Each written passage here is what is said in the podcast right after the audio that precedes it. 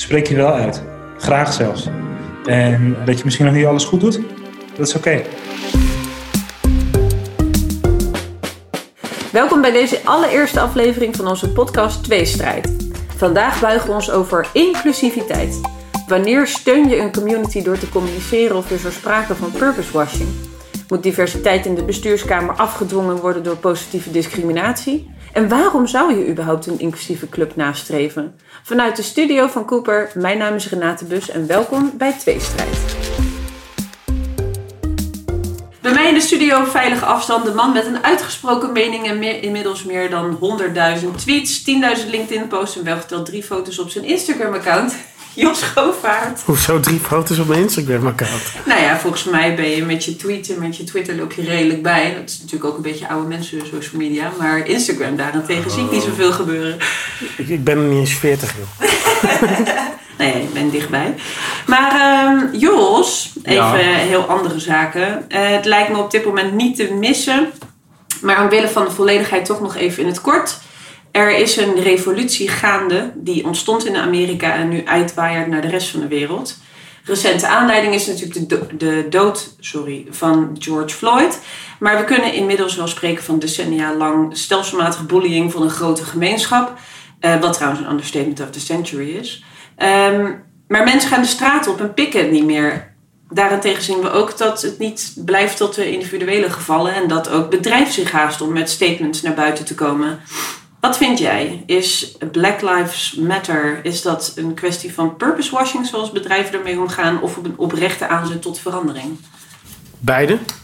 En ga je dat toelichten? Ja, nou ja, kijk, vol- volgens mij ehm, voelen alle blanken, eh, ja, je moet eigenlijk wit zeggen, maar dat vind ik echt een rotwoord. Maar ik Ja, denk dat maar alle... blank komt uit de slavernij. Dus vandaar dat mensen Nou ja. ervoor de term wit eh, verkiezen. Want blank doet alsof er geen... Nou ja, maar precies dit geeft me aan hoe- precies dit geeft me aan hoe lastig het is. Weet je wel? Alle, alle, alleen op taal, alle woorden krijgen eh, gewicht. En eh, als je als witte, eh, witte bent opgegroeid, waar je zelf relatief weinig racisme hebt ondervonden, dan voel je een soort ongemak bij dit hele, hele onderwerp. Maar zelf ondervonden of ook niet in je kring? Ja, wel, maar niet, niet zoals mensen die daar echt mee te maken hebben dat ervaren. Dat is echt nowhere close. Dus het, het lastige daarbij is dat je echt wel voelt dat er wat aan de hand is, maar ook weet dat je daar zelf niet bij betrokken bent. En wat is dan een, een juiste, eh, juiste manier om daarmee om te gaan? Wat is een goede toon? Wat zeg je wel, wat zeg je niet?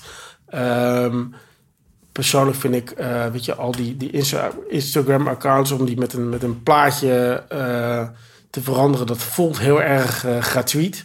Aan de andere kant, niks zeggen, niks doen, dat voelt, dat voelt ook ongemakkelijk. Dus je, ja, het, is, het is heel lastig om daar je, je weg in te vinden. En ik, volgens mij worstelt iedereen daar wel een beetje mee. En ehm, ja, ik denk dat bedrijven best wel wat goeds willen doen. Ehm, maar ja, de vraag is, eh, het komt zo snel eh, op, terwijl het probleem is dat natuurlijk al veel langer speelt, dat je je kunt afvragen van, ja, waarom waren bedrijven daar niet eerder wat mee aan de gang? Maar ehm, jij zei net ook iets over eh, de, de druk eigenlijk, of tenminste het gratis gevoel van zo'n zwarte tegelplaats. Want daar ging het eh, specifiek over. Eh, denk je ook, gezien de vele borden met white silence is violence, dat bedrijven misschien gewoon een soort van druk voelen om met een statement te komen? Of dat Ja. dat wel echt eh, een integrale of een intrinsieke eh, drijfveer is om dat te doen? Als we bijvoorbeeld kijken naar Nike, eh, die ook met een statement is Ja, gekomen. kijk, Nike vind ik in die zin al wel wat geloofwaardiger, omdat die al wel wat langer bezig zijn op dit thema. Dus natuurlijk met Colin Kaepernick was nog redelijk recent, maar als je verder teruggaat naar de historie, hebben zij wel, wel meer op dit front. Dus die vind ik dan in die zin nog wel relatief geloofwaardig. Ook veel zwarte sporters natuurlijk die ze jarenlang eh, eh, goed in de etalage gezet hebben en, eh, en dat ook wel op een bepaalde manier gedaan hebben. Dus zij hebben historie, dus hebben wel iets meer grond om, om wat te zeggen. Terwijl de kritiek van, van Mark Ritson in zijn stuk bijvoorbeeld is dat de Borta weer totaal blank is. Ja, dat, dat is een argument, maar volgens mij gaat het erom, meen je het? En, en, en doet het de mensen om, om wie het gaat, doet het hen goed? Ik denk toch dat een groot gedeelte van de, van de zwarte gemeenschap eh, in Amerika best blij is met wat Nike doet de laatste, nou, laatste jaren. En volgens mij is dat dan toch belangrijker of je qua, dan dat je qua boord helemaal 100% zit. Ja, nou daar komen we straks nog wel even op terug, want daar heb ik wat interessante cijfers over. Het uh, is namelijk toch nog wel iets beroerder daarmee gesteld dan je zou willen, willen denken. Um, jij zegt eigenlijk, er zijn genoeg bedrijven uh, voor te stellen die al jaren, weliswaar misschien niet helemaal tot in de top doorgevoerd, uh, maar wel in, in uitingen en in selectie van boegbeelden en dergelijke, dat zij in ieder geval wel een stap voorwaarts al hebben gedaan. Ja, en Kijk, een, een, bedrijf is natuurlijk niks meer dan een verzameling mensen. Dus het kan best zijn dat er, dat er bijvoorbeeld een bedrijf is wat in de top uh, nog hartstikke wit is. En, en misschien oud en mannelijk. Uh, ik bedoel, noem het stereotype zoals het niet zou moeten, maar op. Maar het kan natuurlijk net zo goed zijn dat er een hele jonge generatie is die dat totaal anders beleeft. Die wel intrinsiek gemotiveerd is. Dus het kan natuurlijk ook een, een beweging van onderop zijn. Dat, dat merken we natuurlijk hier intern bij Cooper uh, natuurlijk ook. Er werd best, uh, als het ging om de protesten op de Dam, in eerste instantie verschillend over gedacht. En vervolgens ontstonden er gesprekken waarbij, waarbij volgens mij het enige goede gebeurt, is dat je, dat je probeert te verplaatsen in de ander en, en, en luistert. Waar best wel. Nu hebben we ook de tijd om dat soort gesprekken te voeren, is ook wel het eerlijke verhaal. Maar ja. men, ik had wel het gevoel dat men oprecht naar elkaar luisterde. En misschien wel hier en daar ook wel van mening veranderde. En ik denk als, als, men dat vaker zou doen, dan, dan schiet je misschien ook wel wat op. Maar luistert men dan, even algemeen gesteld, wel genoeg? Want je zou kunnen zeggen, merken uh, die uh, een, een brede gemeenschap zeg maar, aanspreken, die zouden juist ook die doorvertaling en die samenleving zou je dan ook terug moeten zien in zo'n organisatie. Is het dan niet te makkelijk gesteld van ja, Weet je, het is een bedrijf gewoon maar een verzameling mensen en het maakt niet zo uit wie er dan precies zit. En dat maakt natuurlijk wel uit, alleen ik, ik, denk dat dat gesprek gewoon heel lang niet gevoerd is. En nu, uh, en nu door alles wat er gebeurt, uh, weer wel gevoerd wordt. En het is de vraag, kijk, nu is, het, is er wat verschrikkelijks gebeurd komt er opstand en is het een wereldwijde beweging. Maar wat voor gevolg krijgt dat? Dat is natuurlijk de, dat is natuurlijk de vraag. Het is natuurlijk niet de eerste keer in de geschiedenis dat er, dat er zoiets gebeurt. Nee. Um, en, en, ja, je zei net ook dat, dat cijfers hier en daar niet echt rooskleurig zijn. Dus. Nee, laten we ze anders, anders toch wel vast heel even erbij pakken. Want ik was eigenlijk wel nieuwsgierig. Uh, omdat ik ook wilde kijken naar diversiteit als breder topic. Dus ook hoe het inmiddels ervoor staat met uh, vrouwen in bestuur. Dus daar komen we straks ook nog wel even op terug. Maar met uh, de culturele diversiteit is het echt heel treurig gesteld. Want uh, in de afgelopen 15 jaar, dus dat is een behoorlijke tijdspanne, vind ik, zien we dat er inmiddels 2,2 miljoen van de 17 miljoen Nederlanders dus uh, een migratieachtergrond hebben. En al 15 jaar lang ervaren deze mensen dezelfde afstand tot de arbeidsmarkt. Dus er is in 15 jaar bijna niks veranderd. Ondanks dat dus het taal- en opleidingsniveau sterk is verbeterd. Dat staat ook in het rapport van de SER van afgelopen jaar. Dat op, uh, op, in opdracht van de Nederlandse overheid is uh, opgesteld. Maar dat is toch zonde? Laten we dan niet mega veel talent lopen... Um, dat we anders gewoon prima een plek hadden kunnen geven die juist weer ervoor zou zorgen dat we een betere afspiegeling van de maatschappij krijgen in organisaties en in besturen en in, op andere topposities. Ja, ja in, in Nederland doen we het natuurlijk niet goed als het, uh, niet, uh, als het gaat om culturele nee. diversiteit, vrouwen, noem alles maar op. Ik vind dat eerlijk gezegd gewoon op het gênante af. Wat je, dan, wat je ziet is dat Nederland steeds een progressief land wordt genoemd en we lopen gewoon achter. Ja, dat ja. is echt wel droevig. En maar wat zou dan een, een middel zijn om dat te doorbreken? Zou je dan zelfs kunnen zeggen van we moeten niet alleen een vrouwenquotum hebben, waar ik straks ook nog een keer op terugkom, maar goed. Uh, maar ook een soort van migratiequotum. Ja. Alleen dan werk je dus ook weer discriminatie in de Ja, maar een vriend van mij werkt bij, uh, bij PwC en, en tegen hem is een paar keer gezegd van uh, je verdient, is een blanke jongen, uh, witte jongen moet ik zeggen. tegen hem is een paar keer gezegd dat hij geen promotie kreeg, terwijl dat hij het inhoudelijk wel verdiende, omdat inderdaad mensen met een, met een migratieachtergrond de voorkeur kregen. Ja, en dat is dus de grote downfall. Dan is er dus, dan wordt er bezuinigd op kwaliteit, zou je dan kunnen zeggen? Ja, maar ja, dat, dat, is, dat is de ene kant van het verhaal. Maar de andere kant van het verhaal is, is er een alternatief. Als je, als je uh, volgens mij, als je van A naar B wil, dan kom je volgens mij altijd iets lelijks tegen om het te veranderen. En, uh, ja, want ik, ik ben principieel eigenlijk tegen quota.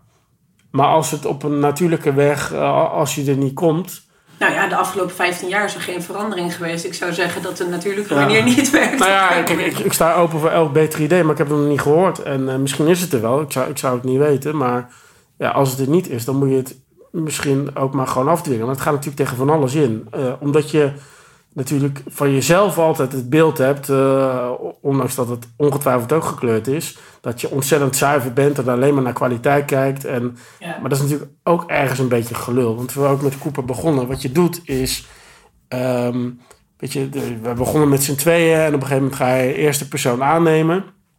Nou, dat zoek je dan toch een beetje in je eigen kring. Dan ga je in je eigen kring kijken. En dat is natuurlijk ook een beetje je eigen achtergrond en, uh, en noem zo maar op. En, en uh, ja, vanuit daaruit ga je je, je bedrijf uh, bouwen. Totdat je op het moment komt van... Uh, ja, weet je, het is misschien wel allemaal heel erg eenzijdig. En pas dan ga je anders kijken. Maar dan wordt het moeilijk. Want hier ook... Er, solliciteert zelden iemand van, van met een andere culturele achtergrond. Maar zouden we dat dan niet zelf meer moeten opzoeken. Maar ik weet echt letterlijk niet waar ik moet beginnen. Nee. Zou, zou best willen, maar uh, hoe dan? Ja. Uh, uh, naar opleidingen toe, dat doen we best veel. maar kennelijk zijn we als branche dan toch niet aantrekkelijk genoeg. ja. Want wat zie je dan bij bijvoorbeeld die, die studentengroepen die, die de Cooper Academy volgen op het Erasmus, aan de Erasmus Universiteit? is dat dan een gemêleerde groep of is dat eigenlijk ook weer Voornamelijk vrouwen in dit geval. Uh, allerlei nationaliteiten betreft. En dat het voor ons toch wel belangrijk is dat iemand goed Nederlands spreekt en schrijft. Ja. Uh, aan de andere kant, we geven ook best uh, vaak gastcolleges bij de Hogeschool Rotterdam, waar gewoon de, de, voertaal Nederlands is. En het valt mij op dat die groepen steeds diverser worden. Ja. Minder meisjes, relatief en steeds meer jongens ook. Dus dat verschuift wel iets. Uh, maar weet je, gewoon wel een randstedelijke afspiegeling.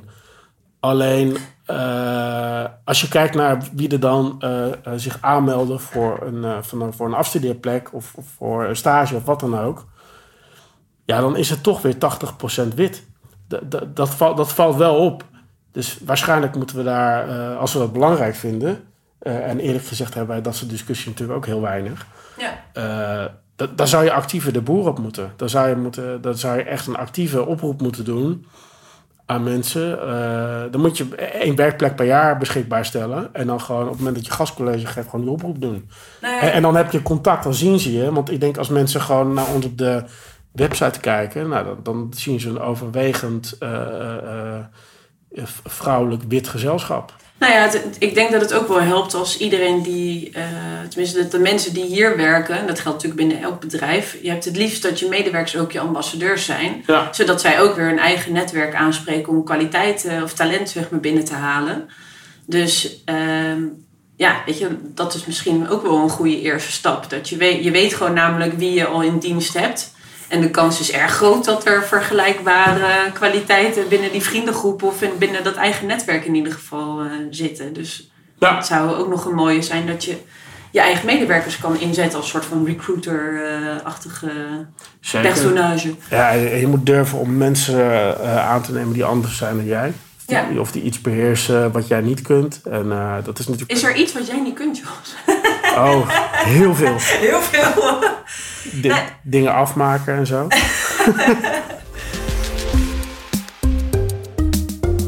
Misschien is het een goed moment om juist ook nu onze gast te gaan bellen. Want ik gok dat hij hier zomaar best wel eens een verrassende wending aan kan geven. Of in ieder geval wat tips waar te beginnen. Onze gast is Baba Touré van Hammerfest. En ehm, werkzaam in de reclamebranche waar het eigenlijk niet zo heel best is gesteld met de culturele diversiteit.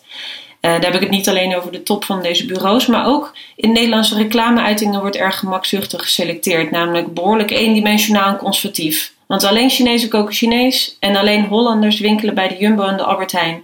Baba Touré die denkt daar echt anders over en leidt inmiddels een onderzoek namens de VEA naar stereotypering en reclameuitingen.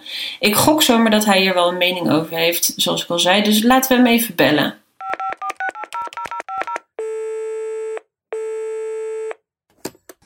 Hoi Baba, met Renate Bus van Cooper. Zoals je weet, hoi. Zoals je weet nemen we een podcast op, uh, genaamd Tweestrijd, waarin we uh, eigenlijk een beetje de strijd aangaan met een uh, actualiteit. En daar vragen we af en toe gasten bij waarvan we denken dat die een, nou ja, een flinke mening erover hebben en die ook graag met ons zou willen delen. En volgens mij heb ik een vraag die heel erg goed in je straatje past. Dus ik weet niet of je er klaar voor bent. Ja. nou, um, Oké, wat levert diversiteit op? Binnen de reclame? Binnen de reclamewereld. Uh, het zorgt ervoor dat je. Uh, nou, diversiteit binnen je bureau zorgt ervoor dat je beter de voelspriet hebt met hoe de maatschappij nu is. En waardoor je ook uh, verschillende perspectieven aan tafel hebt wanneer je communicatie ontwikkelt voor je merk, voor je merken, waarvoor je werkt. En uh, door die verschillende perspectieven uh, zorg je er eerder voor dat je uh, met het werk dat je maakt ook een weerspiegeling toont van hoe de samenleving is. En die goed aansluit op de cultuur zoals die is. En nou, ik denk dat het ons vak is, maar je, je ontwikkelt communicatie waarin mensen zich, waardoor mensen zich aangesproken moeten voelen, zich in moeten herkennen. En uh, uh, ja, dat is nu nog uh, te vaak out of touch, vind ik, weet ik. En, en, dat, dat, daar ga je aan werken als je een wat diverser bureau hebt. Oké, is dat ook de reden waarom jij zelf uiteindelijk Hammerfest hebt opgericht? Als ik het goed zeg. ik heb Hammerfest opgericht initieel uit liefde voor marketing en reclame. Uh, ik vond het zo vet toen ik daar de eerste keer mee in aanraking kwam uh, tijdens mijn studie, dat ik dacht van uh, hier gaan we mee door. En ik kwam eigenlijk, ik wist helemaal niks van het vak, letterlijk. Ik, had, was nog nooit binnengestapt bij een reclamebureau voordat ik begon.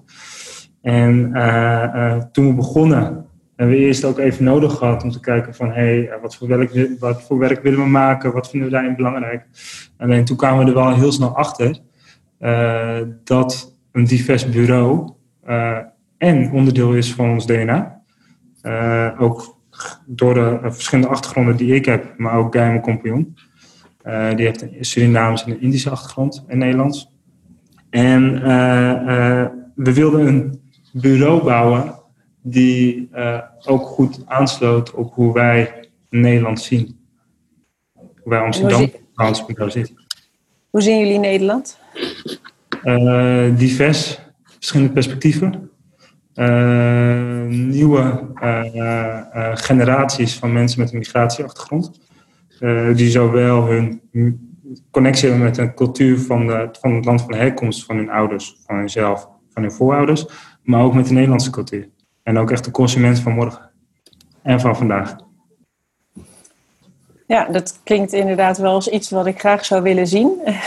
Ja. um, ik zag dat je, je bent natuurlijk ook bezig met een uh, onderzoek naar stereotypering en reclameuitingen namens de VEA. Uh, is, dat, is dat beeld wat je nu schetst, uh, ik weet dat je nog bezig bent met het onderzoek, maar kun je daar misschien in dat perspectief ook een tipje van de sluier lichten, wat je, het beeld dat je nu schetst en wat je in de werkelijkheid tegenkomt? Ja, nou ja, je, ziet het, je ziet het helaas wel terug. En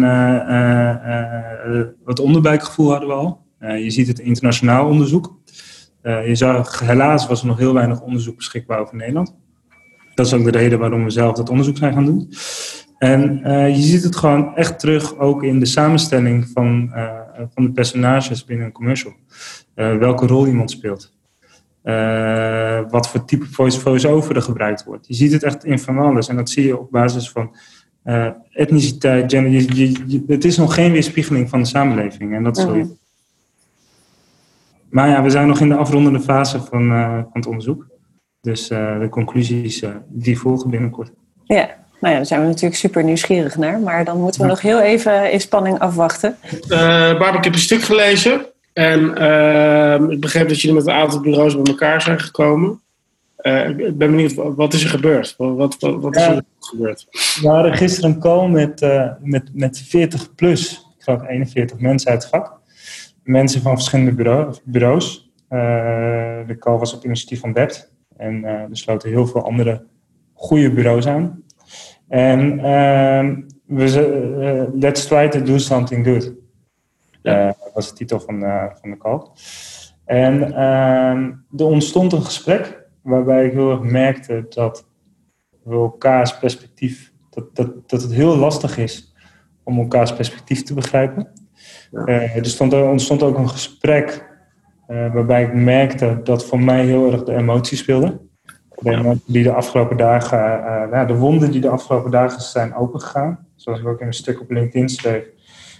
wonden die eigenlijk al 31 jaar opgebouwd zijn. Uh, en uh, uh, die zijn losgekomen. En ik merkte dat ik het heel lastig vond om, zonder, die, om zonder die emotie te spreken gisteren tijdens de call. En dat vond ik ook wel frustrerend, want ik, ik vind het wel fijn om de juiste woorden te kiezen. mijn mening op een nou, goede manier over te brengen.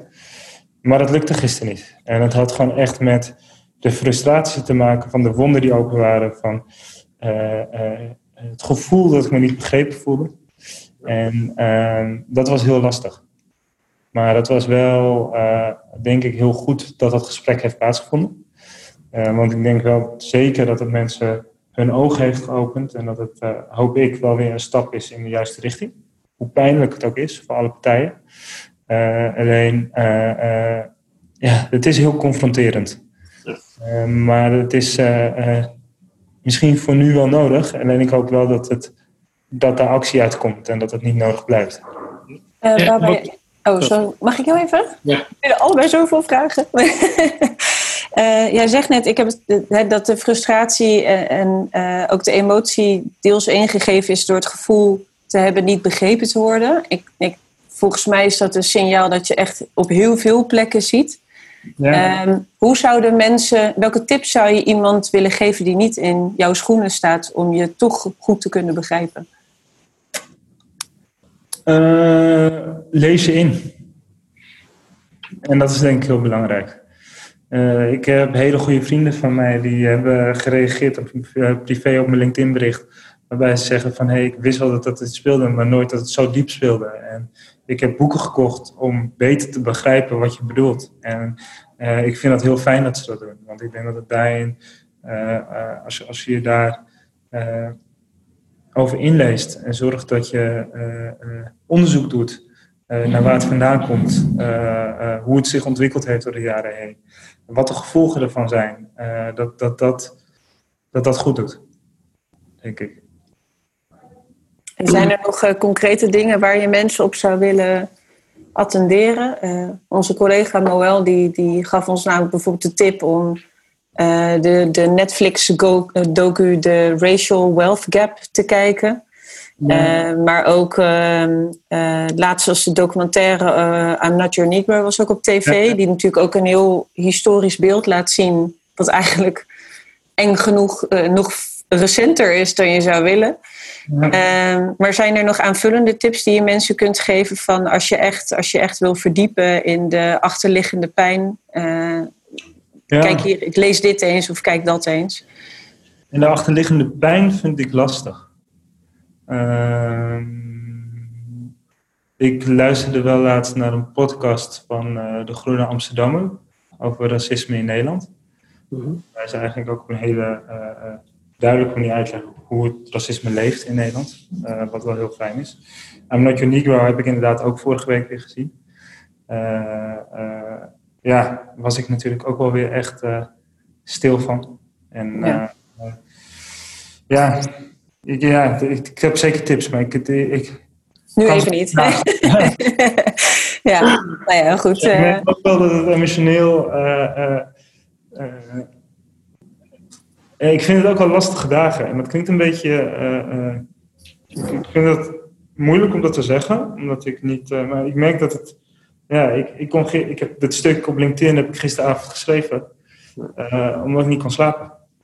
En ik heb letterlijk maar vier, vijf uurtjes geslapen vannacht, omdat ik zat te piekeren. En dat is gewoon wel, dat geeft denk ik ook wel aan van hoe het speelt en hoe het loskomt. En ja, dat. Wat, wat kun je als iemand doen die er. Uh, kijk puur naar mezelf. Ik heb er zelf totaal niet mee te maken gehad, op wat voor manier dan ook. En daardoor voel je ergens een soort van ongemak of zo. Van, van uh, wat ik graag wil, is dat ik probeer te begrijpen en probeer vragen te stellen. Maar het is, het, is, het, is, niet te doen als je zelf niet iets van heel dichtbij hebt meegemaakt of gezien om, om, uh, om je heel goed te kunnen verplaatsen. Vind ik lastig. Weet je wel? Ik herken bij mezelf dat dat in die zin ver weg is. Uh, ben geen ontkenner of zo, dus ik weet echt wel dat er wat aan de hand is. Dus je probeert, naar wat Renate net ook zei, als, als, als je in gesprek bent met iemand uh, en die geeft wat tips, dan ga je kijken, ga je lezen en artikelen lezen. En daardoor, daardoor word je volgens mij wel een wijzer, wijzer mens. Ja. Uh, maar ik zit ook met een, met, met een soort van groot ja en nu of zo. En, uh, Wat kan je doen of zo? Nou ja, we hadden natuurlijk ook een gesprek uh, ten aanzien van ons eigen social kana kanaal in dit geval. Dus het is misschien heel, heel plat en arbitrair van moeten we daar iets van ons laten horen. En, en waar we toen een beetje op uitkwamen is dat vrijwel alles ongemakkelijk voelde. Sommige dingen voelden te gemakkelijk. niks doen voelt ook ongemakkelijk. dat, dat ja, ik weet niet, kwamen daar niet zo goed uit, merkte ik. Ja, uh, ik denk dat het ook heel erg uh, uh, dat er bewust van zijn is. het erkennen van dat je ook in een positie staat waarin je beweging in gang kan zetten. En dat ook binnen je eigen organisatie doen. En je er misschien wel over uitspreken, ook al is het ongemakkelijk. En ja, misschien zou je het ook een keer fout doen, maar ik denk dat dat ook prima is. Het is, het is een proces en het is, ik denk dat we samen door die ongemakkelijkheden heen moeten gaan. Door de ongemakkelijkheden van het delen van dingen, door het ongemakkelijkheden van het bespreekbaar maken van dingen. Uh, om uiteindelijk daar te komen. En dat is, dat is lastig. Ja, je zoekt vaak een beetje naar de ehm, ik denk dat een beetje de achterliggende knagende vraag is van... is het, is het rechtvaardig of zo dat, dat, ik, dat ik me hierover ga uitspreken? Um, heb ik het recht om er iets van te vinden? Of, of natuurlijk heb je het recht om er iets van te vinden, maar ik bedoel, je wil ook niet hoog van de toren blazen en dat als mensen dan bij je naar binnen kijken en dan zeggen, ja, maar eigenlijk, je weet niet hoe het is, weet je, dus ja, maar... je er dan van vinden? Dus als je dan bijvoorbeeld kijkt naar wat Nike doet, uh, ik vind het eerlijk gezegd mooi wat ze doen. Uh, want ze hebben natuurlijk een enorm netwerk en een enorm bereik.